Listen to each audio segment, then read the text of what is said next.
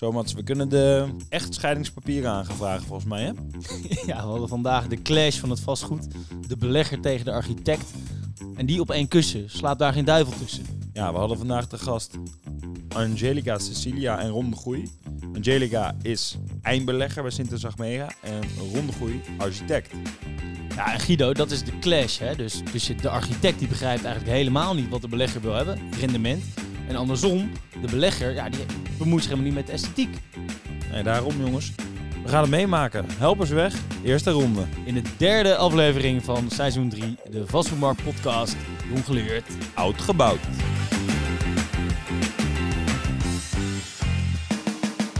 Angelica, Ron, eh, allereerst eh, dapper dat jullie hier zijn. Eh, ja, we hebben de grootste clash van het vastgoed, de belegger tegen de architect, zojuist geïntroduceerd. En we hebben zowaar een stel gevonden dat, dat beide ambten bekleedt. Zijn jullie een beetje bang voor, eh, voor wat er gaat komen? Of, of hoeven we dat niet te zijn? Nee, ik, ik ben zeker niet bang. Ik zit hier eh, super relaxed met een biertje. Dus eh, ik vind het nu al heel gezellig. Ik ben vooral erg nieuwsgierig, dus kom maar op. Oké, heel goed. Nou Guido, dit is eigenlijk een stel dat eh, ja, volgens mij... Ja, eerste stel ook, hè? toch? Ja, eerste getrouwde stel wat wij hier hebben uitgenodigd. En we hebben normaal gesproken zitten wij ook aan de bar. Of in ieder geval een wat actievere, ehm, koudere sfeer misschien. We hebben er nu wat huiselijks van gemaakt hier eh, in Bar Pong. Ehm, en dat is natuurlijk niet voor niks. We dachten van dat is wel gepaster eh, bij deze, bij deze thema-aflevering. Want onze centrale vraag is... Architect en belegger op één kussen. Slaapt daar geen duivel tussen. Ron, jij bent de architect. Maar misschien is, is het aan jou wel even de eer om Angelica te introduceren. Wat, wat, wat doet Angelica?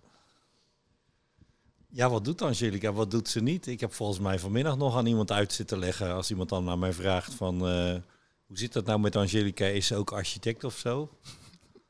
En dan leg ik heel stoer uit van... Nou, ze heeft op de Universiteit van de Nederlandse Antillen... eerst eh, bouwtechniek eh, gestudeerd. Heeft ze de ING-titel gehaald, zeg ik dat goed? Ja, hè? En toen dacht ze... de, ingenieurs. engineers. En dat, toen vond ze dat niet genoeg, is ze naar Nederland gekomen. Is, heeft ze op de TU Delft de IR-titel gehaald, stedenbouwkundige. En eh, nou ja, een aantal jaar geleden, toen wij elkaar al kenden, toen dacht ze, ik moet eigenlijk nog meer leren. En heeft ze een MBA gedaan. Dus het is een eh, nogal ambitieuze dame die eh, de lat over het algemeen heel erg hoog legt. Ook vanuit de nieuwsgierigheid die ik kennelijk altijd heb gehad om nieuwe dingen te, te, te proberen of nieuwe dingen te leren. Of eh, ja, opgeleid als stedenbouwkundige en werken voor een belegger. Dat is niet vanzelfsprekend. Ja, dat zeg is, dat is natuurlijk de vervolgvraag. Want, Ja. want hoe vertaalt zich dat nu in jouw activiteiten als eh, ja, Head of Acquisition and Development bij Sintes Achmea? Ik had een andere vraag. Waar is het misgegaan? Dat is een hele goede vraag. Ja.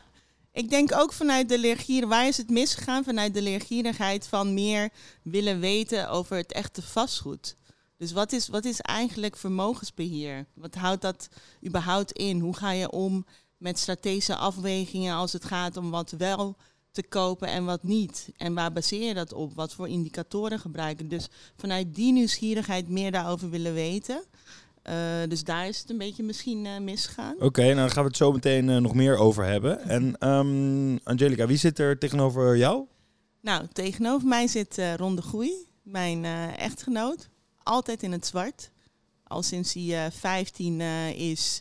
En kledinggeld heet dat in het Nederlands. Ge- Kleedgeld, van- ja. Kleedgeld, dank je. Immaculaat ouders. architect hoor. Dus eh, toen nog geen architect, maar altijd al geweten dat hij architect ging worden. Hij ging eh, van vroegs af aan met zijn vader naar de bouwplaats.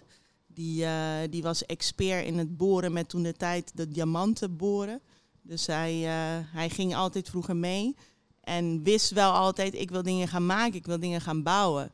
Dus altijd al geweten, denk ik, dat hij uiteindelijk mooie gebouwen ging ontwerpen en ging maken. Dus ja, dat is ronde groei. Dat is alles. Nee, dat is niet alles. Oké, ja, nee, goed. Nee, maar zoveel tijd hebben we helaas niet in deze eh, podcast. Korte, korte we moeten het eh, introductie. professioneel houden. We moeten nog hij een is- conflict in, eh, in de hij- stage gaan zetten. Hè? Dus, Hij is architect en hij is in het zwart gekleed. Ja, Ja. nou. Dus we hebben inderdaad een, eh, een, dat is eigenlijk hetzelfde zeggen. Ja. ja, een, een, een stereotype architect dan eh, in ieder geval eh, aan tafel. En eh, nou, de belegger. en ehm, ja, de centrale vraag eigenlijk van deze, en je stipt het eigenlijk al even aan, eh, Angelica. Ehm, jij wil graag weten hoe een belegger denkt. Ehm, maar het klassieke verhaal is natuurlijk dat de architect totaal niet begrijpt hoe een belegger denkt. Ja. Klopt dat? Ja, dat klopt ook wel. Want ik, kom, ik, kom, ik heb ook bij een architectenbureau gewerkt in het verleden. Dus ik ken het architectenvak ook eh, redelijk goed. En ik ken die wereld ook heel erg goed. Ehm, over het algemeen heeft een architect eh, niet zo heel erg goed door wat de belegger doet.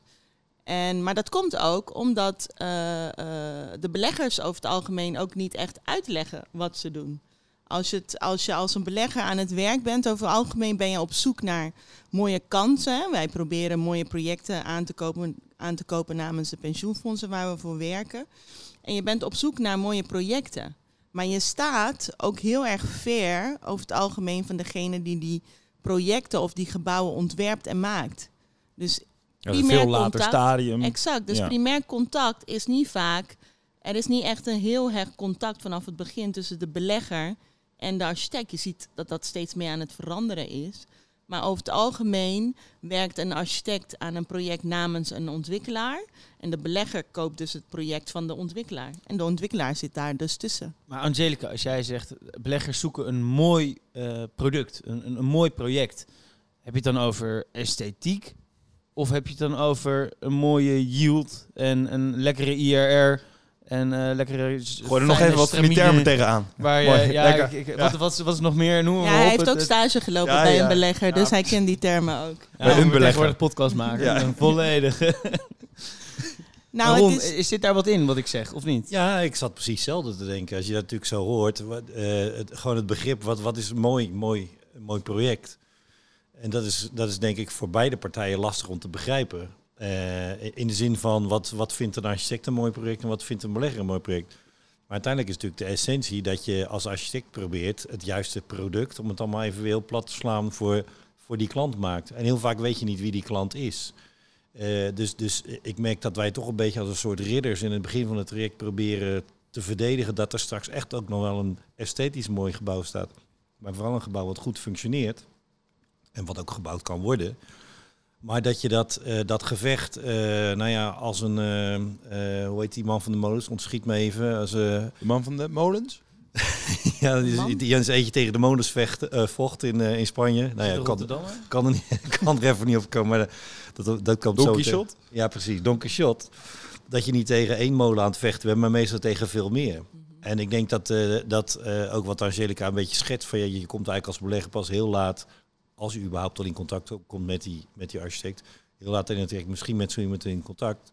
Terwijl het denk ik veel beter zou zijn als veel eerder duidelijk is voor een architect wie nou die klant is, wie die gebruiker is. Omdat je dan veel beter, denk ik, je kennis en know-how kunt gaan inzetten om ook echt dat hele goede product te maken. En ik denk dat voor, voor, de, voor, voor uh, nou ja, de belegger een mooi product is. en dan de termen die jij noemt met de goede yields en de juiste opbrengsten. En uh, goed te onderhouden en noem het maar op. En dat voor ons, voor ons dat ook een mooi project is, maar wat het tegelijkertijd ook gewoon goed uit kan zien. En uh, nu lijkt het alsof er twee verschillende dingen zijn. Weet dat het of-of is eigenlijk. Dat het of-of is. En dat is het volgens mij niet. En ik vind, ik vind zelf, tenminste, ik, ik, ik ben wel van mening dat ik... Uh, het lijkt wel soms een soort fluisterspelletje. Hè? Voordat, voordat ik van een belegger bij wijze van spreken weet wat ze eigenlijk precies willen hebben... zitten er tegenwoordig vele partijen tussen die zeggen wat ze willen. En ja, voordat die informatie bij mij is, is die informatie alweer zo veranderd, zeg maar. Dus als ik tegen jou een woord noemt en we zeggen dat met elkaar door, komt er uiteindelijk een ander woord terug. Dat komt het proces helemaal niet ten goede, denk ik. Dus eigenlijk is, is de conclusie ook dat een belegger en een architect in dat proces eigenlijk amper met elkaar kunnen communiceren? Er zit altijd een, een uh, ontwikkelaar tussen eigenlijk. Ja, nou ja, met alle respect voor de ontwikkelaars. Het is niet zo van nou, die zitten dat proces te verstoren. Zo is het ook natuurlijk helemaal weer niet. Uh, maar die hebben natuurlijk ondertussen ook al lang door wat hun klant uiteindelijk precies voor product wil. En die proberen daar natuurlijk alle partijen heel erg op te sturen dat het ook wel dat wordt. En het stukje zeg maar creatieve inbreng van ja, maar hebben jullie wel eens over nagedacht dat het misschien op een andere manier ook uh, nog beter kan of anders kan? Daar is vaak geen ruimte meer voor, omdat je daar een risico mee gaat nemen Dat misschien die klant wel straks zegt, ja, maar ja, dat is misschien wel beter. Maar daar hebben we nog geen ervaring mee of dat wel zo is. En hoe werkt dat dan? Nee, houd, het bij, maar, bij, houd maar bij wat we gewend zijn. Oké, daar wil ik zo even op doorgaan. Alleen ik vind het wel eerlijk om Angelica even een kans van repliek te geven. Want wij hebben verteld dat beleggers alleen maar Anders krijg ik dat geven. vanavond wel terug hoor. Nou ja, Volgens mij, Angelica, En- is dat zo? Maar Is- is en ergens op geaard natuurlijk. Want het is niet zo, eh, we, we kennen de modelletjes allemaal, dat Mhm. daar een, eh, een soort van waarde toe wordt gekend aan de architect. Of dat er een, een ranking is van deze architect heeft er aangewerkt of een esthetische factor. Nee, vastgoed wordt in dat opzicht gezien als een echt als een belegging, dus als een investering in de zin van er gaat pensioengeld in om het vastgoed te kopen. Dus het moet ook echt renderen om uiteindelijk die premies te kunnen betalen. Dus puur en ook vanuit eh, zeg maar, ik zie daar wel verandering in vanuit van oudsher was het echt de Excel sheet, Excel sheet over het algemeen die leidend was en dus de yields. Maar je ziet daar steeds meer beweging in komen in de zin van dat ook pensioenfondsen zich steeds meer of beter realiseren wat voor ook voor sociale impact ze met hun investeringen kunnen realiseren. Dus je ziet een beweging van puur financieel rendement ook naar maatschappelijk rendement verschuiven. Dus niet alleen wat doet het vastgoed eh, als je het hebt over eh, de inkomsten versus uiteindelijk de, de verdiensten. Maar is het voor een specifieke doelgroep? Het middensegment waar we bijvoorbeeld nu voor staan. Ehm, eh, Ja, maar dat begrijp ik wel. Betaalbaarheid Ja, en dus- dat dus- soort zaken. Dus als we het dan hebben over betaalbaarheid en een nul op de meter, gasloos. ehm, nou, Maar Esthetisch. ook- maar ook, maar ook de aansluiting en de, aans wat de, de beweging, ik wil de move, de beweging wat je nu ziet, de movement, The de movement, eh, the movement has started. Dus wat je nu ziet, is dat de belegger ook wel inziet dat het vastgoed wat, wat, waarin ze beleggen ook echt goed moet aansluiten bij de doelgroep. Nou, aansluiten bij de doelgroep betekent niet alleen dat je de juiste woningtypologie en dus plattegrond, et cetera, biedt. Denk aan gezinnen, denk aan starters die een andere type woning of zorgbehoefte woning nodig hebben. Maar het heeft ook te maken dat degene die daar woont zich ook heel, erg goed moet voelen in die woning, in het gebouw en in de omgeving. Dus esthetiek en de mening over esthetiek, de mening over toepassing van materialen, de mening over uitstraling, is ook aan die kant steeds belangrijker aan het worden. Dus esthetiek speelt ook een steeds belangrijkere rol in het, ook in het beoordelen van, eh, van het vastgoed. Maar en hoe gaat dat dan? Want ehm, ja, Ron, jij schetst het net heel romantisch met eh, dat jullie eigenlijk eh, ridders van de maatschappij zijn. Hè? Eh Don Quixote, die aan het vechten is tegen de molens. eh, poortwachters van ja, esthetisch eh, ruimtelijk Nederland. Eh, er zijn in de afgelopen, nou ja, als we kijken naar zo'n Almere, daar worden nu inderdaad al wijken afgebroken. Die gewoon in 40, 50 jaar ja, gewoon totaal niet meer van deze tijd zijn. Ehm, we zitten nu weer in een woningcrisis. Ligt dat gevaar weer op de loer, volgens jou? Eh, ja. ja. dat is een andere, wel, ja. ja. andere, ander beeld Nou, dan eh, eh, Angelica schetst. Twee dingen. Kijk, dat, dat die, die donker shot zijn is dat, dat denk ik, architecten in het algemeen zich opstellen van wij willen echt wel het, het beste voor die eindgebruiker, voor die bewoner, voor die, voor die, voor die persoon die ergens moet werken. En nou, dat, dat, die, dat is echt, voelt als een soort strijd die je probeert te voelen om mensen over. Nee, het gaat echt niet alleen maar om het buitenkantje, het gaat echt niet alleen maar om het schilletje, maar het gaat er echt voor om een goed gebouw of een goede wijk of te, realiseren. En het andere is denk ik, eh, wat Angelica nu net ook aangeeft. Eh, heel vaak zie je, en dat zijn toch denk ik ook de, de, zeg maar, het programma van IJs wat bij een belegger vandaan komt. Dat is een dik boek en daar staat ongeveer letterlijk in omschreven eh, eh, hoeveel centimeter van de muur het doucheputje moet zitten, zodat hij mooi in het midden van de tegeltjes zit en zo. Eh, maar er staat nergens. heel belangrijk. Maar er staat, nee, maar goed. Maar er staat, voor- er staat onvoldoende, vind ik, in omschreven. Wat wil je uiteindelijk bereiken met dat gebouw? En wat moet het doen voor de wijk? En wat gaat er dan ontstaan in die buurt? En hou je doucheputje schoon in plaats van... dat- En creëer je dan daarmee niet gewoon eh, eh, die, die, eh, die wijken die nu worden afgebroken in Almere? Ja. Ik vind echt, en daar hebben wij het dan, als je het dan hebt, wij hebben het dan met, met, met Satan tussen ons in. Waar hebben we het dan onder andere over? Is het vooral van, ja, zijn we nog wel met elkaar wel de goede, wat voor steden zijn we aan het maken? Als we zo nu die woningen uit de grond stampen, om het maar even zo te zeggen, conform die programma's van IJs, waarvan we allemaal denken dat het goed is, denken we nog voldoende na wat dat, wat dat voor steden op gaat leveren. Nou, dat is, ik heb daar mijn, wij hebben daar onze twijfels eh, allebei, eh, denk ik, over. En daar praten we echt wel eh, veel over. Discussiëren we heel lang over. Oké, en we hebben... Nou, en dan valt die duivel in slaap. Ja, dat is wel lekker dan. Die denkt, laat maar. ja, En laat de maar volgende zitten. ochtend een kater, maar toch Ja. naar kantoor. Die denkt, genoeg, stop. Ron, ik vond, eh, eh, eh, we haakten je even af, maar ik vond het gewoon inter- interessant om over door te gaan. Want jij gaf aan, ehm, soms dan als architect, dan denken wij, hey, we zien hier een optimalisatie. Of dit kun je beter anders doen en dan krijg je een mooier of een beter gebouw. Maar we houden even onze mond omdat, die omdat de, de, de ontwikkelaar anders denkt van ja, deze architect doet lastig. Ik, eh volgende keer pak ik iemand die makkelijker doet. Eh, dat vind ik wel vrij kwalijk.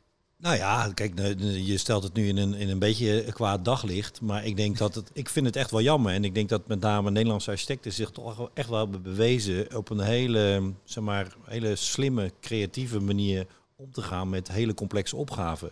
En ik zeg vaak van ja, wij, wij zijn opgeleid om hele complexe ruimtelijke opgaven op te lossen.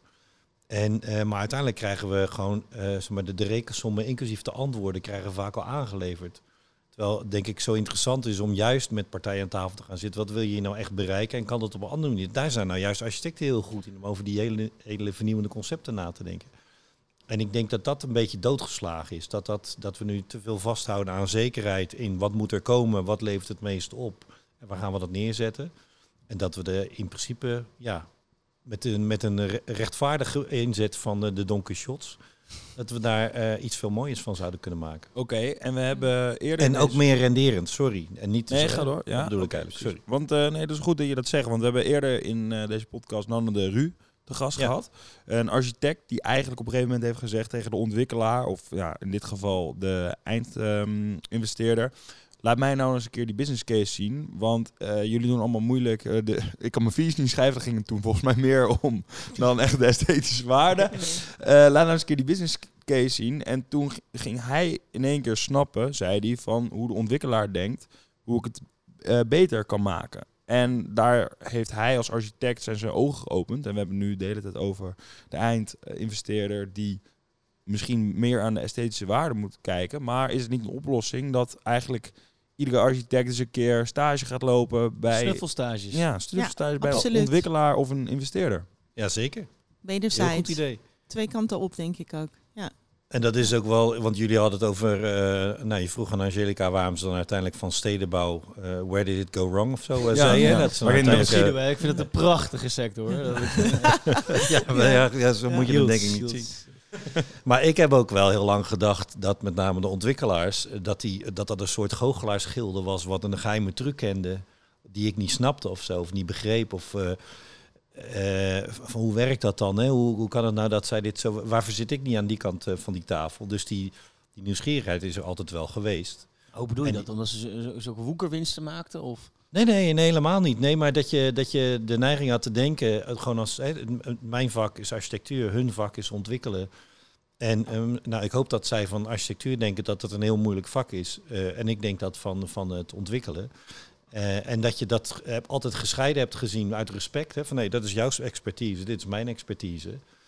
Maar in zo'n traject ga je op een gegeven moment wel denken van nou, ik, ik, ik, begin nu wel een beetje te twijfelen of ik misschien ook nog niet wat meer daarvan zou willen weten. Om precies zoals Nanne de Ru heeft gedaan, uiteindelijk eh, de andere Nou, ik, kant van de tafel beter te snappen. ik zie dat in projecten. Kijk, het is nu bijvoorbeeld een hele lastige tijd überhaupt om projecten eh, voor elkaar te krijgen.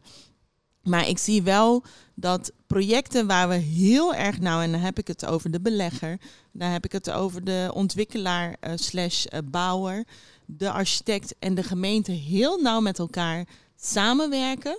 Dat dat de enige projecten zijn die echt uiteindelijk doorgaan vinden, ook in moeilijke tijden. En je noemt nauw samenwerken. Betekent dat boeken open? Nou, zijn? samenwerken be- betekent boeken open, betekent transparant zijn over je, je AK's en je, en je Ja, winstpercentages. wel, over je, je yields, over wat je echt ehm, ja, wat je nodig hebt uiteindelijk om die business case voor iedereen haalbaar te krijgen. Want uiteindelijk willen we allemaal hetzelfde. We willen gewoon mooie gebouwen en mooie omgevingen maken.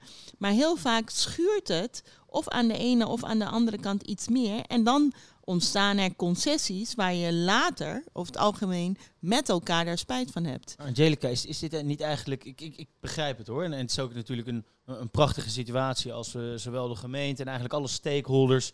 eh, eh, ja, alle de neuzen dezelfde kant op kunnen krijgen en dan zo'n Ja. project vlot kunnen trekken. Maar stel jij bent de ontwikkelaar en jij hebt, jij hebt een, een, een, een ordinair hoge AK. Ja. Een AK, dat is eh, algemene kosten. Hè? Dat is eigenlijk de winst van een ontwikkelaar in de Excel-sheet. Ja, Guido, nee, jij, jij bent zelf een ontwikkelaar. Jij kan het de rest uit. jij ook, gelukkig. Nee, we zijn podcast. ja, maar in deze, in deze tijd... Maar dan, dan ga ik niet de gemeente erbij halen. Toch? Want dan denkt iedereen, ja, wacht Ja, eens maar even, bij dan- die dan kun ontwikkelaars je- geld halen. dan kun je op dit moment gewoon simpelweg niks doen. Want, Door de eh, hoogte. door, eh, door de, de hoge bouwkosten, los van even de situatie waar we momenteel in zitten met de oorlog in Oekraïne, de gevolg van eh, de disruptie in de hele keten ook daardoor, waardoor de, de, de kosten alleen maar meer zijn gaan toenemen. Een inflatiesituatie waar je u tegen zegt. We zien dat de rente nu ook wel stijgt. Dus het maakt het aan alle kanten onwijs lastig voor ons allemaal in de bouw- en vastgoedketen om nu te versnellen. Want dat moeten we ook niet vergeten. We hebben ook een versnellingsopgave met elkaar. Ja, ik vind dat je een hele mooie samenvatting geeft. Want eigenlijk, nou, de, de, de problematiek in de, in, in de vastgoedsector die is algemeen bekend. Hè? Dus de rente stijgt, ehm, de inflatie neemt toe, de bouwkosten reizen de pan uit. Noem het allemaal maar op. En de salarissen stijgen niet in, eh, in dezelfde verhouding. Dus per definitie betekent dat ook dat de koopkracht uiteindelijk daalt. Dus we zitten echt wel in een hele eh, complexe tijd met elkaar. En de overheid kan een knoppen draaien. Aan welke knoppen moet de overheid, in dit geval Ron, eh, voel je vooral ook aangesproken als jij het ook weet. Aan welke Je knoppen... impliceert dat hij het niet weet. Nee, ik heb geen idee waar je het over Ron is even afgehaakt. Nou, Ron snapt die knoppen ondertussen ook heel erg goed door al die discussies wat wij voeren, überhaupt over eh, vastgoed. Het gaat er wel veel over. Hè? Maar die Aan welke knoppen, knop moet de gemeente of, of de overheid of de provincie draaien om, om in ieder geval de esthetiek en de architectuur weer een beetje daar budget voor te krijgen? Dat dat wat mooier wordt. Nou, ik denk dat we in de basis moeten starten met de ambitie om het, als we het hebben over de bouw- en eh, regelgeving, dat we die overal gewoon hetzelfde gaan hanteren. Om een voorbeeld te geven, wij gaan nu de tijd, we hebben de gezien de tijd van EPC naar de BENG.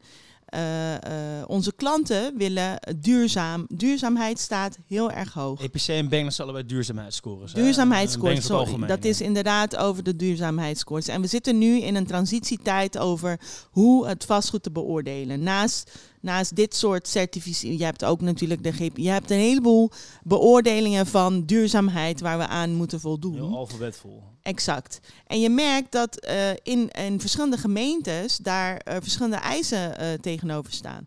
Dus de eisen en voorwaarden waar je aan moet voldoen, verschilt over het algemeen ook per gemeente. Dus het zou kunnen helpen. Je ziet nu ook met de middenhuurregulering dat er ook per gemeentes ook daar in het begin ook al echt verschillend over werd nagedacht. Ehm, Kijk maar naar de, naar de indexering van een belegger. Wij mogen dan de huren CPI plus 1% eh, uiteindelijk gaan doen. Dan heb je nog een beetje investeringsruimte, wordt er gedacht. Maar het, het, het, het verschilt gewoon te veel van elkaar waar je aan moet voldoen. Dus als we met elkaar in de basis een kwaliteit zouden kunnen afspreken. En dat begint gewoon, de overheid heeft een, hele belangrijke eh, eh, rol daarin. Maar ook de gemeentes onderling om daarop te sturen. Dus het niet blijven stapelen van de ambities. Het moet bang, het moet heel duurzaam, minimaal GPR 8, waar, waar wij ook heel erg achter staan. Maar het moet ook heel erg eh natuurinclusief. En Het moet betaalbaar. eh, betaalbaar. Het moet eh, eh, eh, voor de juiste doelgroepen. Dus we kunnen niet meer hele grote woningen. Dus het moet aan te veel onderdelen voldoen, waardoor het bijna onmogelijk wordt om echt eh, een goed gebouw binnen de marges wat we nu hebben met elkaar te kunnen realiseren. Ron, als ik, als ik het samenvat, zijn het dus eigenlijk... Het is een opeenstapeling van eh, eisen van de gemeente. En er moet één lijn komen wat betreft eh, ja, andere eisen waar een verbouw, gebouw moet voldoen. Eh, Klopt dit een beetje? Eh, Redden we dan eh, Nederland van het architectonisch faillissement? of is er wat meer nodig? Nou ja, jij refereert veel aan de esthetiek en dergelijke. Ik denk dat het niet eens zozeer daarover gaat. Het is zo lelijk wat er allemaal gebouwd wordt. ja, maar ja, de, de- de- ik denk dat je ook mensen kunt vinden die het wel mooi vinden. En, en lelijk blijft het altijd. En iets wat nu heel mooi is, dat gaat op een gegeven moment weer uit de mode. Dus er zal ook wel een gedachte achter zitten, denk ik, soms als ik lelijke gebouwen zie. maar maar ehm, de- wat ik denk ik, als je hebt over, jullie hebben het over draaiende knoppen. Hè, en welke kn- knop moet de politiek draaien? En Angelica geeft dan aan van die verschillende partijen die er dan allemaal zijn en allemaal hun, hun taak hebben. Eh, we begonnen ermee van hoe ben ik architect geworden. Dat- is eigenlijk vooral gekomen door mijn fascinatie van in de bouw zijn. Jullie zijn ongetwijfeld ook wel eens op een bouwplaats geweest. En ik vind dat gevoel daar, dat al die, die, die, die, die mensen die samen bezig zijn om zo'n gebouw in elkaar te zetten. En eh, wat zo'n metselaar doet en een timmerman. En dat loopt er allemaal maar een beetje door elkaar heen. En dan blijkt er ook nog zoiets te zijn als een uitvoerder die dan ook nog snapt en weet wat die mensen allemaal aan het doen zijn. En dan blijkt er ook nog een architect te zijn die het allemaal bedacht heeft. Eh, daar kwam ik dan later pas achter. Eh, maar maar, maar, zeg maar ik, ik vond de kracht en de fascinatie van de bouw vooral die samenwerking. Dat al die mensen met elkaar aan het samenwerken zijn. En al die mensen daarna met hun kinderen op de achterbank naar zo'n gebouw wijzen. En het maakt niet uit wie het was. Die uitvoerder zegt, kijk, dat heeft papa gemaakt.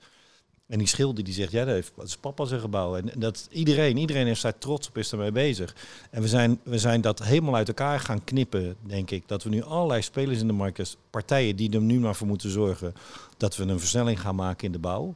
Maar die echte samenwerking, ja, die, die voel ik eigenlijk niet. Ik, eh, ik, ik zit niet tegenover een ontwikkelaar aan tafel. De bedoeling is dat we naast elkaar aan tafel zitten. En die zitten weer ook weer naast de gemeente. En samen gaan wij proberen die bouwopgave op te lossen. Maar het is veel te veel een soort, soort eh, ja, versnippering van partijen die allemaal hun eigen belang hebben geworden. En dat stelt mij, om eerlijk te zijn, wel erg teleur. Dat is een van de frustraties die ik wel heb. eh, eh, sinds ik nu in dit vak zeg maar bezig ben, dat ik denk, ja, dit is niet meer precies wat mij zo, zo aantrok toen ik architect wilde worden. En ik heb, ik heb ook het idee dat. Klopt dat de architect ook iets meer in een hoekje is gedrukt? Het wordt nu een soort van: oké, nou, we willen. Ja, maar ja, dat geldt. Alle partijen zijn toch wat meer. Die zijn allemaal meer, denk ik, omkaderd in wat ze wel of niet eh, mogen doen. En je, zei- je, de vraag was eigenlijk van aan wa- aan welke knop, knop moet de overheid draaien. Ja. Nou ja, misschien moeten we niet, niet naar die overheid eh, kijken. Hè, en gewoon weer op een ouderwetse manier, zoals vroeger in de bouw, de hand ineens slaan. Hoe gaan we dit nou eens doen? En, dat, en dan we zijn dan de ontwikkelaars, de beleggers, eh, de architecten en alles wat, er, wat er bij hen. En dan, want van de overheid hoef je het niet te verwachten. Het enige wat die dan dan moeten gaan doen is faciliteren dat er een mogelijkheid komt dat die partijen samen de handen ineens slaan en gewoon die, die, die opgave realiseren. Nou, Ja. ik denk dat we in ieder geval wel een eh, idee hebben van dat er tussen de architect en de eindinvesteerder niet per se de duivel eh, tussen slaapt. Nee. Ehm, we hebben zelfs een oplossing eigenlijk gevonden. In plaats van dat we allemaal moeten klooien op ons eigen eilandje. Dat we een keer de neuzen dezelfde kant op moeten steken. En eh, de handen ineen moeten slaan. Om eh, een en ander te realiseren in Nederland. Opdat we dat eh, mogen blijven doen. We willen jullie hartelijk bedanken voor eh, deze uitzending. Dankjewel jongens, was gezellig. Dankjewel. Meer, Nog een meer- biertje? meer partijen moeten met elkaar gaan trouwen, denk ik. Eh, ik kan het aanraden.